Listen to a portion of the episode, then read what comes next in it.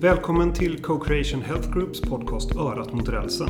Här får du det senaste inom e-hälsa och läkemedel. Jag heter Kristoffer Klerfalk. Enligt regeringens vision så ska Sverige vara världsbäst på e-hälsa år 2025. Men då är frågan, vem ska axla den manteln? Jo, det kommer ju hela tiden nyutexaminerade kollegor, läkare, apotekare med mera. Och därför har vi med oss företrädare för just apotekarprogrammet och läkarprogrammet här idag. Varmt välkommen Anja Sandström. Tack så mycket. Och Mats Olofsson. Mm, tack så mycket. Och Anja, du representerar då eh, apotekarprogrammet och Mats eh, läkarprogrammet. Eh, min första fråga som jag har eh, är vad ser ni för nya situationer eh, som kommer ställa krav på framtidens apotekare och läkare? Vad kommer man ställas inför? Ja, vi ser ju att eh, jag menar, apotekare som är läkemedels, samhällets läkemedelsexperter kommer att kanske i framtiden vara en mer naturlig del av vårdkedjan, att man kommer samverka mer med, med professioner inom hälso och sjukvård. Vi ser ju ökat antal apotekare som anställs inom landsting och även inom kommuner idag, just för att förbättra läkemedelsanvändningen. Eh, så, så det är ju något som vi ser kommer säkert öka i framtiden. Och läkemedelsterapier som blir mer komplexa och mer individanpassade i framtiden. Eh, det ställer ju högre krav på läkemedelsrådgivning och liknande. Så det är väl några situationer och nya, vad ska man säga, nya verktyg kanske eh, att ge bra läkemedelsrådgivning eh, och sånt med den med nationella läkemedelslistan till exempel som kommer så man kan få helhetsbild av en patient. All, alla läkemedel, alla recept är samlade. Hela medicineringen är samlad i en ja, lista. Mm. idag har det ju varit svårt att ge individanpassad så att säga läkemedelsrådgivning för man har inte sett hela bilden. Och, men det där jobbas det ju med. Eh, med regeringen som samverkar nu med kommuner och landsting och olika läkemedelsaktörer. Så att, mm. Ja, det är spännande. Ja, där var, där, så en liten sammanfattning att det att, att jobba över professionsgränser är en, en, en, nyckel för att få den här komplexa miljön att fungera. Vad, vad ser du för, för krav på, på framtidens läkarkollegor, Mats? Ja, det är ju lite svårt att visionera, men det här med e-hälsa tycker jag är ett oerhört brett och vitt begrepp också. Ehm, I, om man tänker sig läkare så används ju eh, redan rätt mycket utav säga, distansvård. Att man kan kontakta läkare, vårdcentraler eh, elektroniskt och mm. att man kan, man kan titta på varandra. Eh, det är lite grann som att skypa och man kan få en konsultation. Eh, så möjligheten finns ju redan.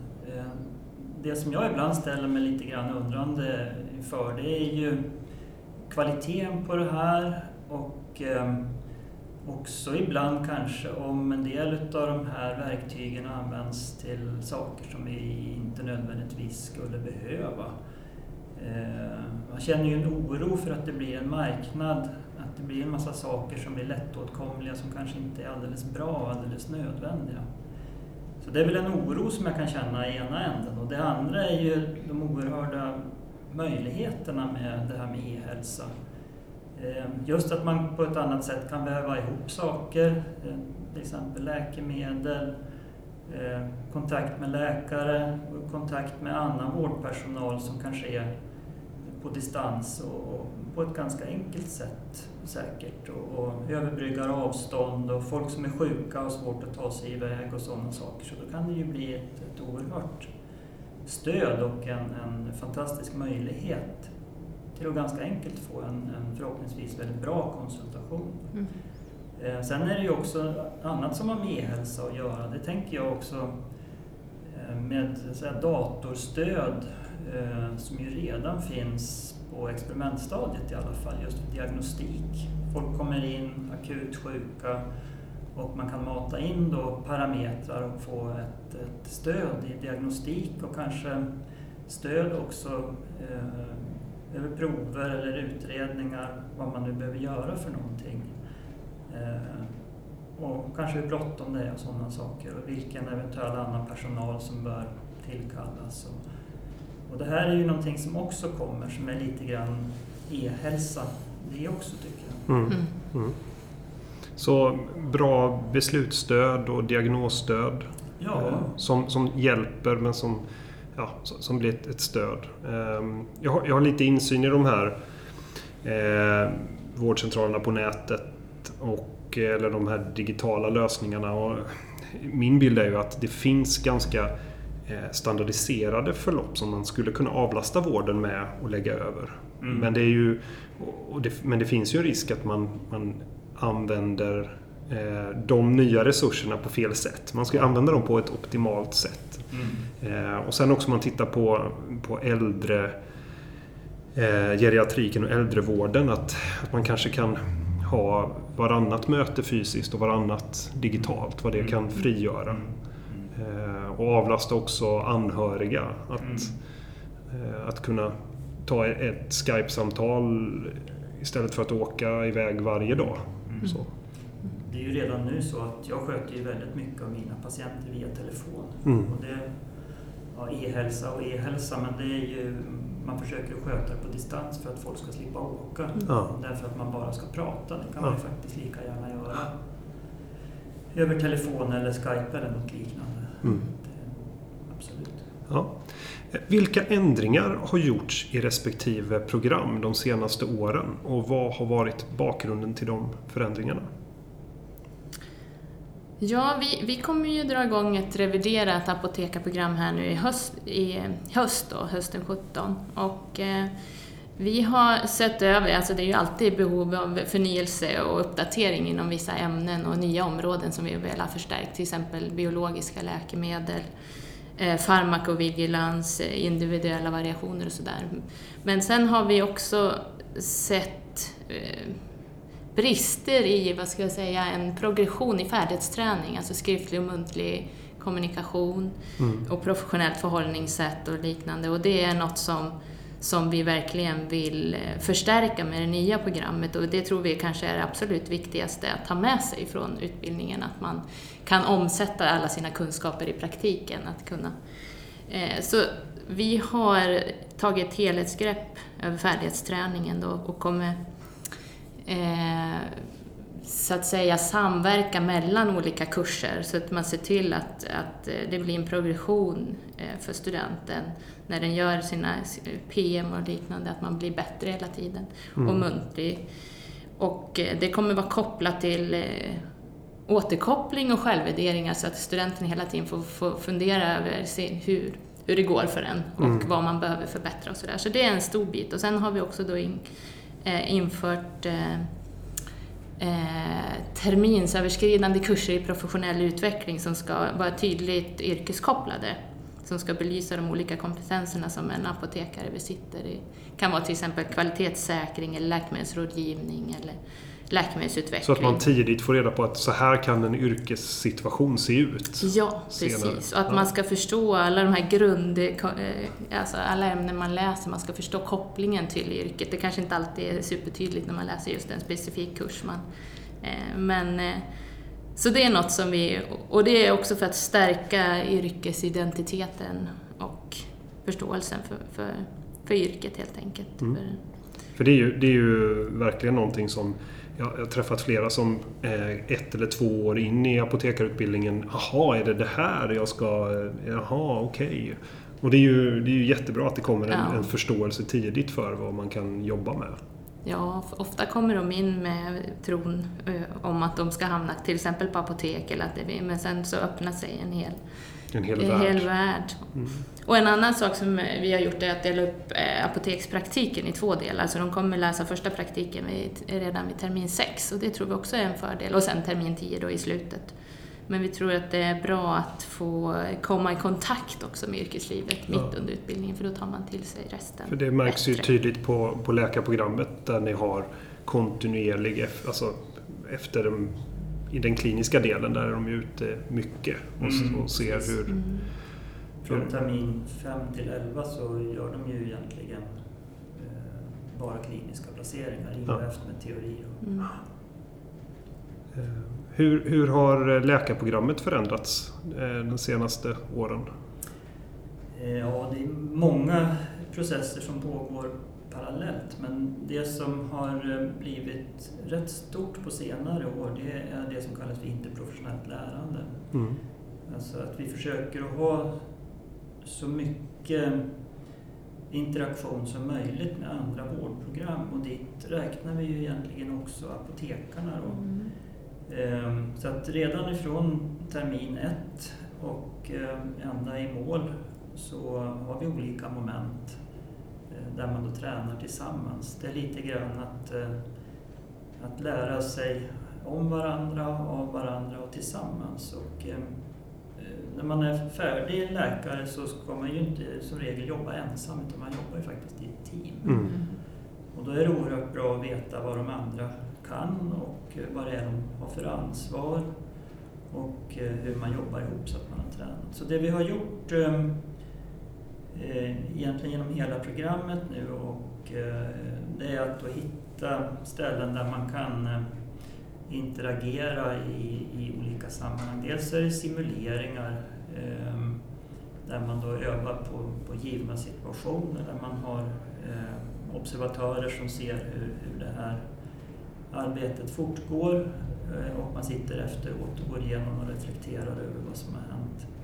Och det kan ju vara simuleringar i teorin men det kan också vara i mer praktik så att säga. Att man har ett simulatorcenter i kliniskt träningscentrum då, mm. där man har simulatorer som man kan köra ganska skarpa övningar faktiskt och se hur, hur arbetet går och sitta och utvärdera efteråt. Men sen eh, är det ju också i, eh, vi har till exempel rondskola som vi försöker att införa i, på alla kliniska placeringar. Det innebär att man ska träna sig att ronda tillsammans. Mm. En sjuksköterskeelev, fysioterapeutelev till exempel. Och, eh,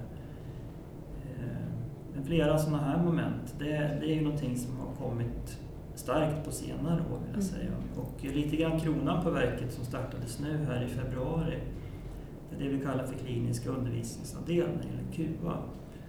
Eh, där vi har då i Västerås, Tierp och här på Akademiska sjukhuset. Där går man då i två veckor i ett fast lag, läkarstudent, sjuksköterskestudent och fysioterapeutstudent är det nu i starten här. Mm. Då ska de sköta ett antal patienter under handledning i 14 dagar. Eh, det blir ju väldigt snygg, skarp miljö är, under ja, ordnade förutsättningar. Ja, och det är på termin 10, alltså näst sista terminen. Och där vill vi ju ha in andra professioner i det här också. Och då finns ju farmaceuter, apotekare eh, som någonting som vi vill ha in, kanske inte i år, men kanske vårterminen 18 eller något när det har satt sig lite grann. Mm. För just det här att, att jobba med eh, läkemedelslistor, interaktioner, vad finns det för alternativ? Och, eh, en del patienter, det är ju geriatrik då i Uppsala mm. Tierp och de har ju enormt långa listor med läkemedel, patienter. Så mm. ingen människa kan ju egentligen förstå vad som händer i kroppen med alla dessa läkemedel. Så det skulle också vara bra att få in en sån aspekt mm. på den här kliniska undervisningsavdelningen. Mm. Eh, så det är väl något som har hänt och sen eh, jobbar vi väldigt mycket med professionellt förhållningssätt. Och eh, det handlar ju då om hur man fungerar ihop med sina arbetskamrater och patienter och anhöriga. Att man på ett konstruktivt, professionellt sätt kan handskas med, med alla de här. Och det är inte alla som klarar det där riktigt. Och eh, då är det inte säkert att man fungerar något bra i en vårdsituation heller om man inte kan kommunicera. Kommunikation är ju... Alltså det är A. Mm. Ja, ja. Inte bara när det är bråttom utan det gäller ju alltid att man måste kunna kommunicera och vara lite ödmjuk och alltihopa det där. Och det, eh, när jag gick läkarprogrammet för, för länge sedan så fanns det ju egentligen ingenting utav det där. Det fanns ju det som kallas kanske för samtalsfärdigheter och sånt där, men det var ju ingen examination. Mm. Utan det vi vill göra nu det är att skärpa upp examinationen så att redan på termin fyra att vi har så att säga en tröskel som inte ska vara helt lätt att ta sig över. Där vi ska utvärdera varje students professionella förhållningssätt. Och sen på termin åtta har vi tänkt oss och så termin elva Mm. Och tanken är ju inte i förstone att kugga ut folk utan att identifiera de som har någon form av problem med det här då, så att man kan hjälpa dem till ett bättre professionellt förhållningssätt. Mm. Och sen är det klart att det kanske finns individer också, eller det vet vi att det gör, som inte fungerar och, och då är det ju bra om man tidigt i programmet kan identifiera dem. Och följa upp, eh, följa upp det. Följa För det upp. finns ju, det är ju, mm. det är ju, det finns ju ofta möjlighet att eh, skruva på beteenden om man ja, är medveten om det. Om man vet själv med sig att jag behöver jobba på det här så är det ju mycket lättare än om man är helt mm. omedveten om att man har en... Ja men det är snyggt. Mm. Eh, ser ni de läkare och apotekare som går ut nu? Eh, motsvarar utbildningen de kraven som arbetsmarknaden har på, på de, de färdiga apotekarna och läkarna? Ja, det är en mycket bra fråga. Nu tror vi ju, i och med att vi har reviderat eh, programmet, så mm. tänker vi att vi behöver i alla fall förbättra oss. Så det finns ju det som är lite svårt idag är väl den, eh, den att möta den nya apoteksmarknaden. Att eh, våra studenter som kommer ut idag och jobbar, kommer in i apoteksvärlden har kanske de skulle kanske ha en bättre förståelse för apotekens liksom förutsättningar mm. och så. så att de, de vill ju naturligtvis agera läkemedelsexperter där mm. i, på apoteken och det kan de ju göra till viss del men det är mycket annat också inom apoteket. Så att, men, det, men eh, annars så tycker vi väl att de får med sig väldigt mycket av... Eh, apotekens styrka är ju dess bredd. Mm. De, de eh, har ju de är ju experter på läkemedel från idé till produkt till användning, så de kan väldigt brett om läkemedel. Så de agerar ju ofta som någon slags koordinator i olika sam sammanhang och kan vara den här spindeln i nätet mycket. Så det tycker vi nog att de får med sig. Men, men, men man de, kan ju alltid förbättra... Med de revideringarna som, som är gjorda nu inför höstens program som börjar så är det, tror jag ju att det är helt rätt, rätt väg att gå. Ja. Vi tänker mycket på det här med färdighetsträning och professionellt eh, förhållningssätt som ni pratade om här också. Mm. Det är ju, det är ju det viktiga. Mm. Och att de kommer ut med en, eh, att eh, kunna omsätta sina kunskaper i mm. praktiken mm. är ju det viktiga. Mm. Ja, vad gäller läkarna så är det ju så oerhört brett fält som man kan jobba inom. Så det är mm. klart det är svårt att um, förbereda läkarstudenterna för alla tänkbara scenarion. Ehm, men ehm, vad gäller e-hälsa och beslutsstöd och, sådana saker så ehm, finns det nog för lite på läkarprogrammet utav det idag tror jag. Utan att egentligen veta hur mycket som finns. Men jag tror att det kanske är lite för lite. För det här är ju någonting som de nyutexaminerade framöver måste ha kunskap om och förhålla sig till på olika sätt. Sen beror det ju på var någonstans man bestämmer sig för att jobba. Då. Så att det är väl, eh, det är väl en, en sak som, eh, där vi måste fundera lite grann och sannolikt bli bättre.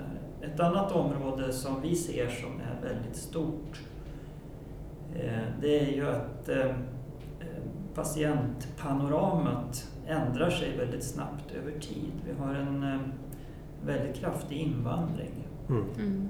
Och eh, med det så kommer det inte bara folk från andra kulturer och religioner eh, utan också med helt annan livserfarenhet. Ofta ganska traumatiserade, det är det ena, men de har också ett annat sjukdomspanorama. Eh, och det är någonting som vi måste lära oss att hantera nu och framöver. Eh, sen är det också många svenska läkare och även läkarstudenter som faktiskt åker ut i världen. Per termin så har vi 60-70 studenter som åker ut faktiskt. global medicinkursen? Ja, global mm. medicinkursen. Och de gör också kliniska placeringar utanför global medicinkursen. Mm. mm. I ganska stor omfattning. Så att det är klart att det hämtas ju hem lite erfarenhet men här måste vi ju bli mycket bättre. Eh, och sen går ju vi, som det ser ut nu, mot ett sexårigt läkarprogram Mm. där man då blir legitimerad läkare efter de här sex åren. Så det är en jätteomställning. All AT kommer att försvinna.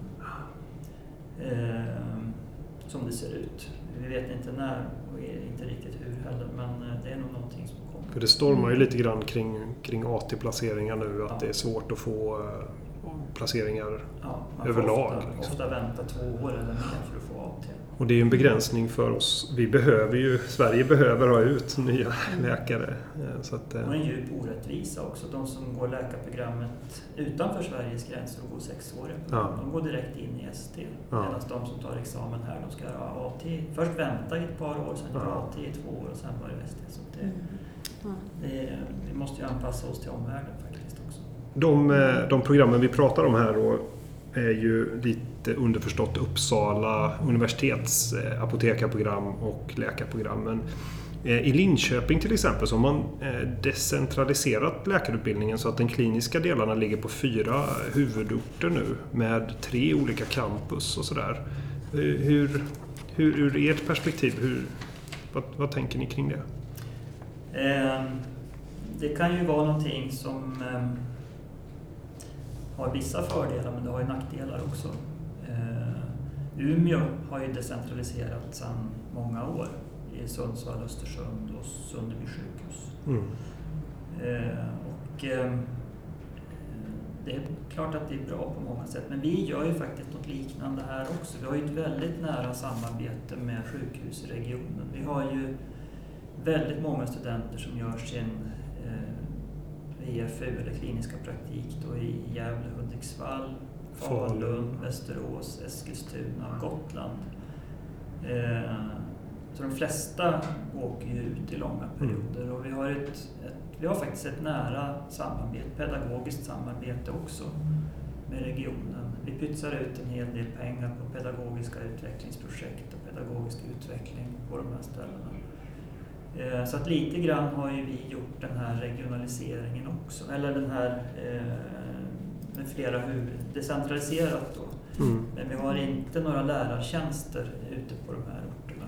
Det har vi inte. Örebro har ju också eh, decentraliserat sig så tillvida att de har ju lärartjänst i Falun. Mm. Så att, men det är väl lite olika lösningar. För oss fungerar det väldigt bra som det gör nu. Mm. Eh, Vi är väldigt nöjda. Men det är ju intrimmat sedan många år också att det Ja. hela tiden kommer kandidater. Ja, ja, ja. Fungerar väldigt, väldigt bra. Mm. Studenterna är jättenöjda. Mm. Ni, ni var inne lite grann på det här med, med eh, utlandet och sådär. Hur, hur svarar utbildningarna upp mot utländska krav? Om man vill som läkare åka och jobba i England eller, eller i Ja, Tyskland? det ska, det ska gå bra. Det där är ju på väg att skärpas upp nu. Mm. Ehm, och det kommer att innebära att vi behöver, läkarprogrammen i Sverige behöver då certifieras. Mm. Ehm, men så att säga, nivåmässigt och, och, och så, så är inte det något problem. Men det är någonting som måste ske om det är före år 2020 eller något sånt där. Mm. Ehm, men de läkare som utbildas här har ju inga problem att jobba utomlands. Nej. Nej. Och våra apotekare eh, kan ju också arbeta i hela EU. Vi ser ju till att utbildningen följer EU-direktivet. Ja. Sen finns det alltid olika eh, små... Eh, man kan behöva komplettera någonting i något visst land, man vet aldrig hur det fungerar. Men, men det följer ju i alla fall EU-direktivet på yrkeskvalifikationerna. Mm. För det är ju, det, det tycker jag nu när i vår globaliserade värld att, att, precis som Mats var inne på, att kunna vara ute och jobba utomlands och komma tillbaka med, med de erfarenheterna är ju, är ju väldigt eh, givande och viktigt. Att få se hur, kunna dra en parallell till, ja men jag har varit och jobbat på en förlossningsenhet i Mm. Sydafrika. Se hur det, hur det fungerar. Ja, kära lyssnare, ni lyssnar på eh, Co-Creation Health Groups podcast Örat mot rälsen. Och vi ska ta en liten bensträckare, men vi är alldeles strax tillbaka. Då så, välkomna tillbaka allihopa. Vi har eh, diskuterat lite grann om hur utbildningar ser ut eh, ute i Europa och skillnader. Eh, en del går mot distansutbildningar, att man kan läsa hela utbildningar på distans. Hur, hur ser ni på det? Ja, det finns väl både fördelar och nackdelar med, med utbildningar på distans, men idag så finns det ju otroligt fina verktyg att jobba med eh, distansundervisning. Och eh, när det gäller receptarieprogrammet i alla fall så funderar vi på att eh, starta eh, ett, en distansutbildning som skulle gå varannan termin och Mm. campus varannan. Men det där är inte riktigt klart än, men det, det kan vara någonting. Och där ser vi väl att det, det kan vara bra för den breddade rekryteringen. Att för vissa som pendlar eller som har svårt att flytta från små orter och där det också kanske då behövs receptarier till exempel. Mm. Eh, Och sen finns det ju mycket spännande pedagogik inom det e-lärandet som kanske också kan komma eh, campusprogrammen till nytta. Mm. Så att eh, vi är nog rätt så öppna för det där ändå. Sen så ser vi ju gärna, jag tror våra studenter också uppskattar kontakten med lärare. Alltså både student-studentkontakt och student-lärarkontakt Mm. är ju otroligt viktigt. Så att, men ett distansprogram kommer ju också innebära att det är vissa delar på campus. Ja, så ja. att, ja. Så att ehm, det kan ha fördelar. Det var ju bland det roligaste under apotekarutbildningen var ju interaktionen med andra människor. Men det, man är väl olika som, Ja, som personer. Så. precis. Nej, vi vill inte tappa campusprogrammen och vi har gjort, gjort lite undersökningar också med studenterna vi har på, Mm. på plats och de uppskattar ju campuset att vara Ja. där så att säga. Mm. Men det finns säkert många ute i landet som hade gärna sett distans också. Mm. Och det finns ju distansutbildning i Umeå och det är ju väldigt högt söktryck där. Ja. Mm. Hur, hur ser det ut på läkarprogrammet? De teoretiska delarna, skulle man kunna lägga något på distans där? Ja, det tror jag säkert att man skulle kunna. Det är inget som vi har diskuterat. Eh, Men till exempel sjuksköterskeprogrammet, där har vi ju ett campus Gotland. Mm. Mm, Eh. Och det, det fungerar ju bra.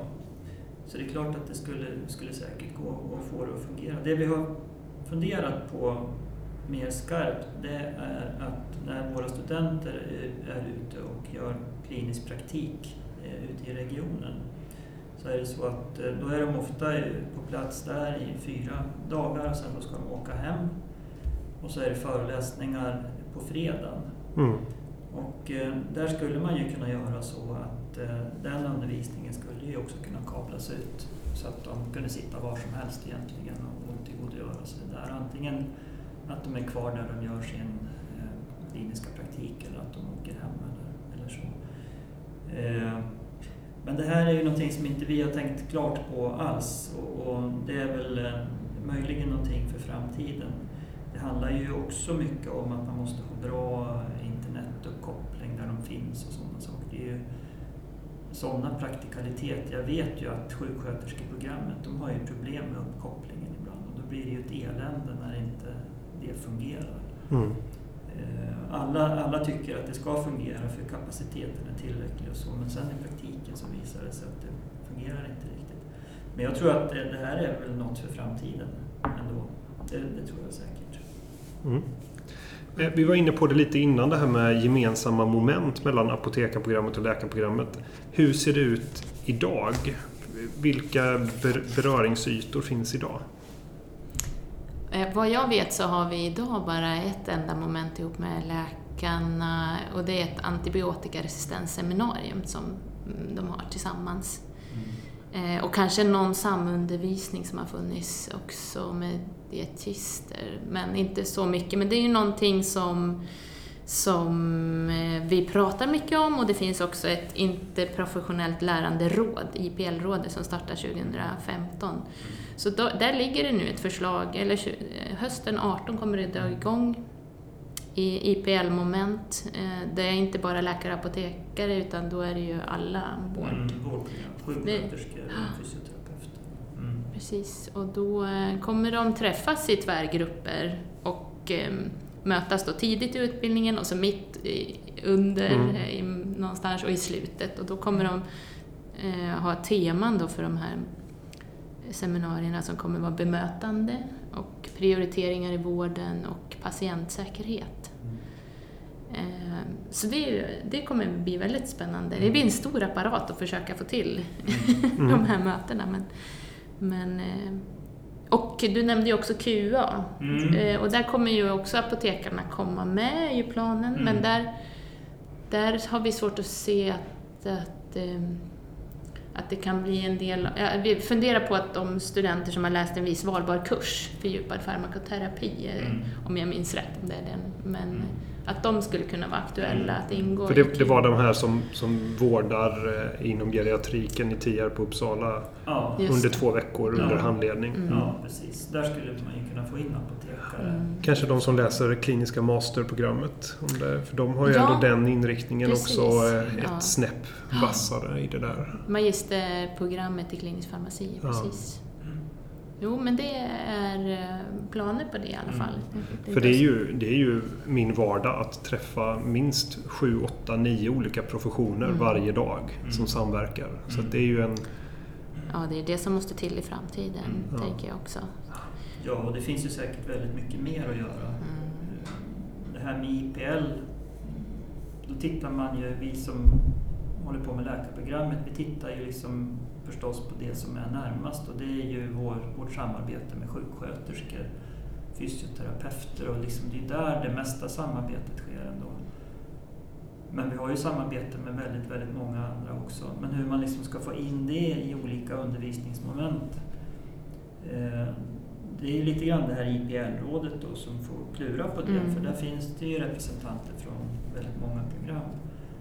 Och, för det måste ju vara meningsfullt också. Man ska ju inte göra en sån här sak bara för, bara för att.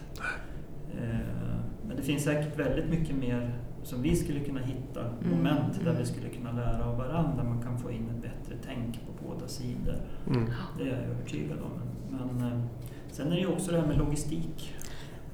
Det är det stora Alla problemet. har sina scheman och Mm. bokade lokaler och allting och så ska man ändra och... och Det är ju ingen, det är ingen lätt övning. Jag drar, bara parallellen till, till Försvarsmakten där jag har en viss roll. Och, eh, när man ska samöva olika trupper, olika Mm. förband. Mm. Det är ju inte lätt alltså. nej, nej. Det är ju väldigt stökigt men det är ju så verkligheten ser ut. Så att man måste kunna ha en tross och ett jägarförband och en infanteri och som ska jobba tillsammans. Och just förstå varandra. Liksom, vad man, Jag tror det handlar mycket om... Mycket Och förstå om eh, också vad man själv kan Ja. i sitt... Mm. I, Men hörde ni, många spår ju att ledarskap kommer bli nyckeln för att lösa hälso och sjukvårdens knutar framgent. Finns det några valbara kurser inom ledarskap eh, för hälso och sjukvårdspersonal idag på Uppsala universitet? Eh, Jag vet inte om det finns någon valbar kurs. Eh, Däremot i läkarprogrammet så har vi ju ledarskapsutbildning. Eh, Första ordentliga dosen får man redan på termin fem. Det handlar ju mycket om, om ledarskap i vårdsituationer då förstås. Mm. Sen kan man ju tänka sig en annan form av ledarskap, att man ska bli sektionsansvarig eller verksamhetschef eller sjukhusdirektör eller vad man nu tänker sig för någonting. Eh, Men under läkarprogrammet så, så får man en ganska rejäl dos utav det ledarskap man behöver just för att hantera kliniska situationer, ledarskap på vårdavdelning, ledarskap på en operationssal och lite grann och sådana saker. Eh, Men sen ingår ju ledarskap också under AT, framförallt under ST. Mm. Eh, Så att när man kommer ut som färdig specialist så ska man ju ha fått en hel del av ledarskap. Sen är det ju så här, om, om man ska vara riktigt ärlig, så, så är det ju väldigt många andra yrkeskategorier som har bättre ledarskapsutbildning än vad läkarna har. Så är det ju. Så det finns ju ett, ett förbättringsutrymme. Men någon särskilt valbar kurs, ingen som jag känner till. Ingen som är knuten till läkarprogrammet i alla fall. Det är inte. Nej, och det är inte vad jag känner till heller. Vi har ju pratat mycket om ledarskap i, när vi har nu reviderat programmet och sådär. Och det är ju mycket som man skulle gärna vilja få in i programmen men man får inte plats med allting. Nej. Men eh, vad gäller ledarskap så finns det ju också då i, i VFU, alltså praktiken, finns det ju delar av ledarskap men det är ju ingen, ingen det är ju då en del av den Mm. praktikkursen så att säga. Men sen, sen har vi ju ett nytt kursmål för, eh, som är våra lokala mål på apotekarprogrammet i Uppsala. Det är ju att leda planera och samordna arbete. Mm. Så det är ju något som vi ska uppfylla under programmet och vi tänker väl också att vi, är, man kanske inte bara behöver en kurs utan man måste drilla dem i det här hela vägen och ta vara på de tillfällen under programmet där man kan träna i ledarskap. Så en del inom eh, den här färdighetsträningen som vi kommer nu jobba mycket med det är ju eh, arbete i grupp. Och vi kommer försöka ta tillvara alla grupparbeten som finns under programmet där de lär sig liksom med mer teknik Mm. att arbeta i grupp. Och där ingår det också att leda gruppen. Någon kanske ska leda och någon ska Mm. vara drivande och någon ska vara idésprut. Att de får träna på olika roller inom en grupp. För det, det är ju många som, eh, som när de är ganska nyutexaminerade apotekare som blir apotekschefer. Mm. Eh, och belastningen ledarskapsmässigt där är ganska hög. Det är många läkare som kommer ut och som eh, är på akuten kanske eh, Mm. som underläkare och, och gör, tar väldigt stort ansvar Mm. tidigt. Eh, absolut finns det backup men Mm. det är mycket av den här kontakten med patienterna under en, i en stressad miljö Mm. som, som är Mm. jag vill bara slå ett vingaslag för Mm, att där jag, när jag ser skillnaden mellan att få med sig ett agilt praktiskt ledarskap någonstans längs vägen kan göra stor skillnad i hur man hanterar sina första år i professionen. Mm. För att minska eh, slitaget på, på verksamheterna och på individerna. Vi har ju möjlighet att undervalbara, vi har ju termin 8 där de får välja Mm. kurser och specialisera sig. Då finns det ju en kurs som man kan välja varifrån, Mm. vi- vilket som helst så att säga. Där, kan, där har man ju chans också att välja en ledarskapskurs om man skulle vilja.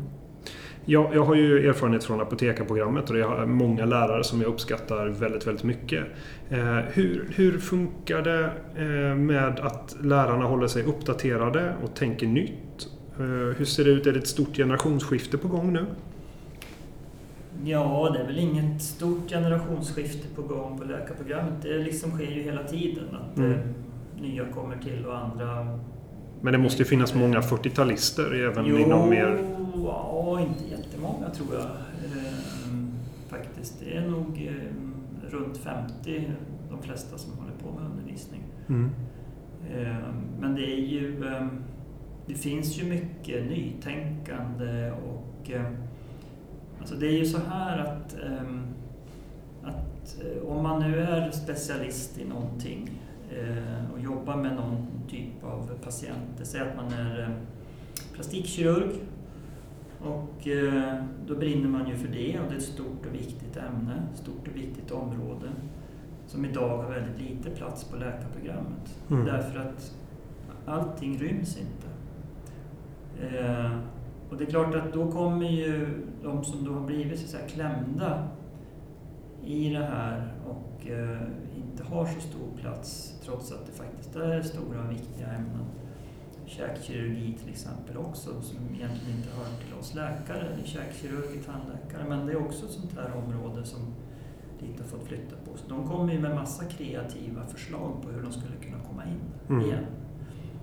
Och, ehm, men det är mycket, jag tycker ändå att det är mycket kreativitet eh, på läkarprogrammet. Det är, eh, det är väldigt mycket studenter som undervisar. Mm. De är amanuenser. Mm. De deltar i, i våra PBL-seminarier som handledare redan från termin ett. Och eh, sen är de amanuenser på olika kurser. Eh, så att studenterna är ju med och undervisar och kommer med massa nya idéer. Mm. Och studenterna är också väldigt aktiva i, i vår programkommitté. Av 16 ordinarie ledamöter så är tre stycken studenter. Så att Medicinska studierådet och studenterna har ju en stor impact på, på olika saker. Eh, och kommer med nya idéer och har åsikter om saker och ting som är väldigt bra. Så jag tycker nog att vi har en, att det finns en kreativitet. Eh, Lite det vi väntar på nu det är väl startsignal för ett sexårigt program. Då måste vi ju ta ett helhetsgrepp igen och då har vi liksom chansen, precis som ni har gjort på apotekarprogrammet nu, att, att försöka tänka lite nytt och stuva om lite grann. Mm. Även om man kanske inte orkar stuva om hela läkarprogrammet så kan man i alla fall tänka lite nytt.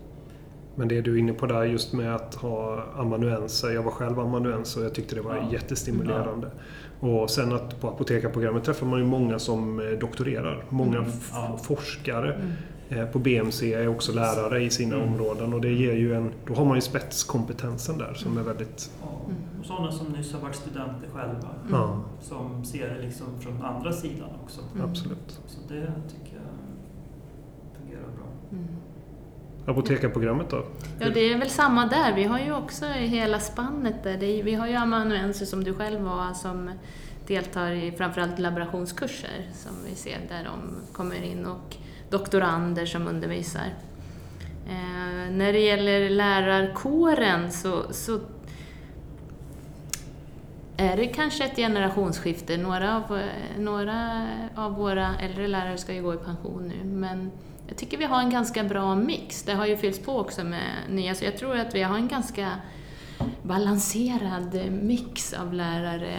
Ja, det är ganska För- många för nya professorer nu, de som har utnämnts de senaste åren bara. Ja, precis. Och eh, jag menar, de yngre kanske är nytänkande och sånt, men de äldre har ju, har ju en otrolig erfarenhet. Mm. Och det är ju mycket eh, som fungerar bra också. Så Mm. jag menar som traditionell undervisning som också uppskattas väldigt mycket av våra studenter. Eh, och vi har ju ett, en, ett stort studentinflytande.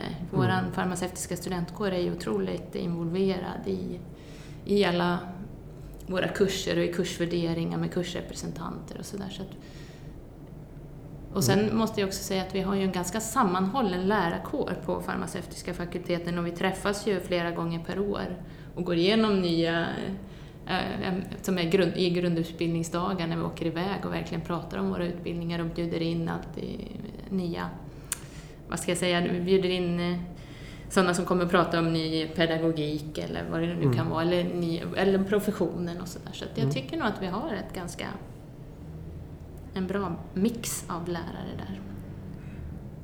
Varför ska man läsa till läkare eller apotekare just i Uppsala tycker ni? Ja, vad gäller läkarprogrammet då så är ju eh, eh, ett väldigt uppskattat program. Vi har många studenter som söker sig hit till oss andra lärosäten. Både som har börjat läsa läkarprogrammet på andra ställen i Sverige och utomlands. Så uppenbarligen ett, po- ett populärt program som har ett gott rykte. Eh, jag tror att läkarprogrammet här är, är väldigt bra på så sätt att när man tar sin examen så är man väl rustad för, att, för ett fortsatt yrkesliv. Lite grann oberoende av vad man är tänkt att göra så har man fått en, en bred och djup utbildning. Jag tror också att eh, de som går programmet trivs som regel väldigt bra, tycker att det är ett bra program. Eh, eh, och många uppskattar också det här att man får vara ute i regionen och göra sin kliniska praktik. Man får se sig om lite grann, inte bara se stora akademiska sjukhuset. Så det är väl många fördelar. Sen är ju Uppsala en väldigt trevlig stad att vara student i jag, jag satt och väntade på den. För det, det finns ju väl- väldigt mycket roligt att göra här. Och även färdighetsträna sin, sitt ledarskap i på nationer eller engagera sig i allt möjligt finns ju. Mm. Mm. Ja, när det gäller apotekarprogrammet i Uppsala så brukar vi ju eh, lyfta fram att vi är den enda farmaceutiska fakulteten i, i landet. Och vad betyder det egentligen? Det betyder egentligen att vi har forskande lärare inom alla områden som vi undervisar på. För- Alltså egentligen från idé till produktläkemedelsutveckling ända till patientläkemedelsanvändning. Så vi, och det är ju en styrka. Mm. Eh, så att, och att allt är samlat under, samma tak så att säga. Så att vi har en sammanhållen utbildning och vi har ju en lång erfarenhet också av att bedriva farmaceutisk utbildning. Ehm, och sen som ni nämner, Uppsala som studentstad är ju oslagbar. Mm. Så att, det- men närheten också till life science, vi har Läkemedelsverket rakt över gatan och det är små biotechföretag, små läkemedelsföretag som startar runt omkring. Ehm, ja, Det finns ju väldigt, väldigt mycket inom nära räckhåll. Mm. Det är ju inte en så stor stad, men den är ju väldigt tät. vad gäller olika projekt och resurser och miljöer. Mm. Så att det, man, om man orkar och är intresserad så kan man ju få enormt mycket ut av några år i Uppsala. Mm. Ja, jag har blivit kvar här. Så Mm. att det, Jag också. Och det är ju perfekt för att bilda nätverk och farmaceutiska studentkåren är ju väldigt aktiv också i, så att mm. det är ju en annan, och där ska man gärna eh, engagera sig och, Mm. och jobba på sin egen personliga utveckling. Har ni några medskick till de som studerar idag? Vad, vad, vad är de två viktigaste sakerna att tänka på? Att engagera sig i sina studier, Mm. men man ska ju också passa på att ha roligt här i Uppsala om man kommer hit. Eh, Men att tänka på att det inte bara var man liksom teorin man läser utan också hur man arbetar med sina studier som kommer vara viktigt när man kommer ut. Man måste kunna ta för sig av eh, arbetslivet och hela tiden tänka på vad står jag, vad behöver jag mer? Hur, Mm. hur kan jag utveckla min kompetens vidare? Men man blir inte färdig efter fem år så att man ska liksom ha det här förhållningssättet med sig från början. Ja, men jag instämmer. Och jag tycker att det handlar ju väldigt mycket om mognad också. Att man under de här studieåren, det är ju rätt många år ändå som man ska att man ska växa. Eh, inte bara kunskapsmässigt utan som människa också. För sen när man kommer ut så, så ska man faktiskt sköta väldigt, ett väldigt ansvarsfullt jobb. Eh, och det måste man tänka på lite grann redan från början. Man måste ta ansvar redan från början för sina studier och se till att man faktiskt eh, lär sig så mycket som möjligt. För helt plötsligt står man där en dag och behöver den här kunskapen. Och att då ha lite grann glidit igenom studierna med minsta möjliga, marginal, eh, det duger inte riktigt alla gånger. Nej, då har man inte riktigt rustat sig för verkligheten. Nej, faktiskt inte. Mm. Nej. Ja, kära lyssnare. Om ni tyckte att det här var en bra podcast som, som gav er en insyn i hur det är att läsa till apotekare eller lä, eh, läkare här i Uppsala och vad, hur utbildningarna arbetar för att förnya sig och vad, rusta sig för framtiden så tycker jag att ni ska tänka efter. Vem i ert kontaktnät, det kan vara en son, en dotter, en kusin, någon som funderar på ja ah, men jag ska nog läsa någonting. Då ska de kanske lyssna på den här podcasten.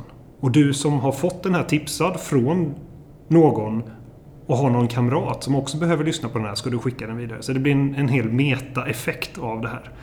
Eh, är det så att ni lyssnare har någonting, det här skulle jag vilja veta mer om. Eh, inom läkemedel, inom hälso och sjukvården, inom e-hälsa. Så hör av er till oss och önska vad ni vill att vi ska eh, ta upp, så gör vi det. Eh, tack så jättemycket för att ni lyssnade. Eh, så hörs vi snart igen. Tack och hej! Tack så mycket. Hej då. Hej! Denna podcast är gjord av Co-Creation Health Group. En konsultgrupp inom management, e-hälsa och läkemedel.